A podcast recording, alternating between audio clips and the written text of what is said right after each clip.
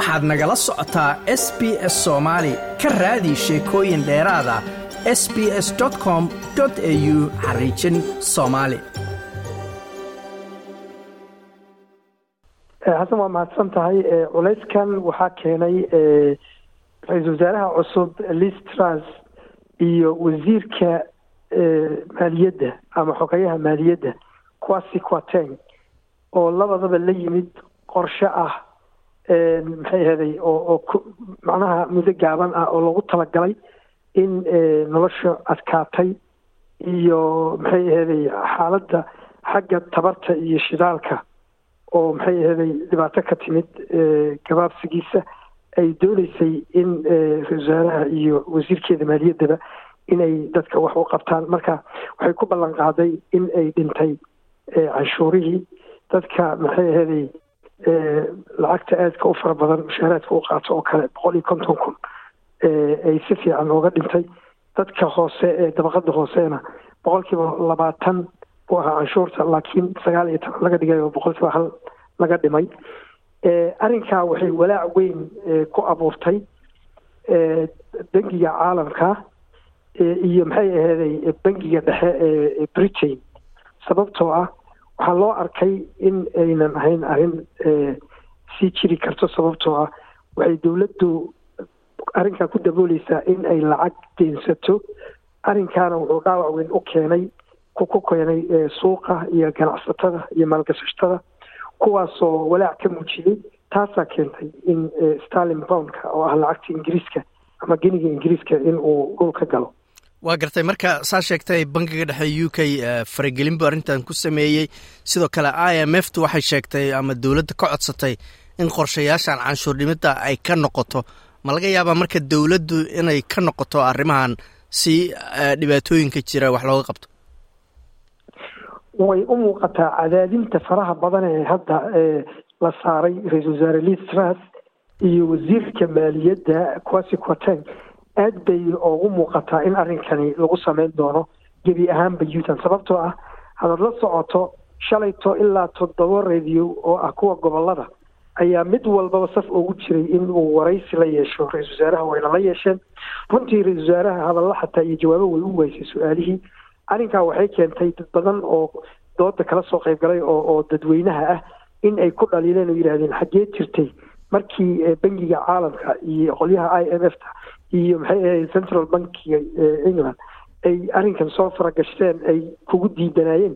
Iyaduna waxay ku dooda arrinkan ukraine baa sababo ah valadimir putin baa keenay. Markaas waxaa yidhahdeen in uu qorshe qaato bangiga u k ma valadimir putin baa keenay baa lagu yiri marka waxay ku hadasho garan weysay haddii aan waxyar ku faahfaahiyana de xisbiga leber boqolkiiba konton iyo afar ayuu marayaa yacni cod aruurin la sameeyey soddon iyo saddex dhibcood buu ka horeeyaa ama percentage buu ka horeeyaa xisbiga conservativeka oo hadda hogaaminay hoos buu u dhacay xisbiga conservativeka wuxuuna marayaa boqolkiiba kow iyo labaatan. Marka la saadaaliyey waxay noqonaysaa haddii maanta doorasho loogu dhawaaqi lahaa in leber ay ku guuleysan lahayd afar boqol iyo soddon afar boqol iyo sagaashan iyo sideed kursi baarlamaanka halka xisbiga conservativekana uu ku guuleysan lahaa konton iyo saddex kursi oo qura. Marka arrinkan leeb cadaadin baa kaga timid muxuu ahay ururka ama ama ama ama xisbiga conservativeka gudihiisa ee ra'isul wasaare trust shirweynahoodii hadda dhici doonana arrinkaasi waxaan u malaynaya in cadaadin fara badan ay ku imaan doonto. Iyadana waxay ku doodeysaa aniga dadka wax u tarbaan lahaa wan waana saxsannahay bay weli ku adkeysanaysaa laakiin ma u malaynaya arrin ay sii difaaci karta inay tahay waa gartay ma waxaa jira baaqiyo lagu doonayo in xogayaha maaliyadda uu isku casilo isaga eedda si gaara loo saaraya mise hadda mas'uuliyadda inteeda badan ra'iisul wasaarahay fuuleysaa mas'uuliyadda guud ahaan inteeda badan ra'isul wasaarahay fuuleysaa gaar ahaanna waxay fuuleysaa wasiirka maaliyadda. Wasiirka maaliyaddana wuxuu leeyahay mataqaana arrinkan arrinkii la sameyn lahaa waa iyadana waxay ku doodeysaa go'aan adag xilliyada adag in la qaato waa loo baahan yahay. Laakiin de go'aanka adag iyo xilliyada la qaatay walaaca waxaa ka keenay bangiga u k kaas oo u arko in ay cabsi timid ah in waxaan loo yaqaano pensionka oo ah lacagta loo kaydiyo dadka marka ay yani howlgab noqdaan in la sii amaaxsado oo halkaas ayay cabsida ka timid. Marka bangigii baa marka iibsanaya muxuu ahaay deentii dowladda oo bangiga dhexe. Marka canshuurta interest rateka loo yaqaano ee maalgashatada ay macnaha kaga faa'iideystaan muxuu ahay lacagtooda ama maalgashigooda wuxuu dhalo inay kici doonto ayaa la qiyaasaya. Ilaa boqol kiiba lix inay kor u kici doontaa la qiyaasaya. Arrinkaana uma roono qolyaha laaloodhiyada la yidhahdo ama guryaha iskale ama mortgageka dadka ay ugu jiraan iyo dadka kirada ku jiraba ama iibsaday oo ku iibsaday deenta iyo nolosha guud ahaanba uma roono waa gartay sidaa sheegtay saameynta ugu weyn oo arrimahan ka dhalatay waxay ahayd lacagta sterlinka ama baanka qiimihiisu inuu aada hoos ugu dhacay. Ma la filayaa inuu dib u soo noqdo kor u kaco mise intaa qulquladaanu jirto in uu hoos sii aadaa laga yaaba marka uu bangiga soo faragashtay qorsha qorshahan ay ku dhawaaqday uu ka diiday. Bangiga markuu soo faragashtay uu yiri waxbaan mataqaanaa ka iibsanaya deenta dowladda waxoogaa bownka sentiya ayuu kor u soo kacay laakiin shalayto haddana senti buu hoos u dhacay. Halkii bound wuxuu ahaa markuu suuqa xirmayey hal dollar iyo sideed centi marka waxayna mar buu ahaa intaa haddana wuxuu hoos uga sii dhacay wuxuu noqday hal pointy hal hal dollar iyo toddoba centi marka suuqa ay xirmayeen marka saaka ma aan eegin. Laakiin dee arrinkan iyada oo talooyinka loo soo jeedinaya aynan qaadanin suuqa ama ama marketka ayaa waxay inta badan go'aan ka gaaraa sicir sicirka ama ama lacagta qiimaheeda. Lacagtani hoos bay u sii soconaysa marka kalsooni baa loo baahan yahay in ay helaan maalgashatada. Taana waa lagula teliyey in ay ka noqoto maxay aheeday qorshihii maaliyadeed ee ay wax kaga qaba islahayd.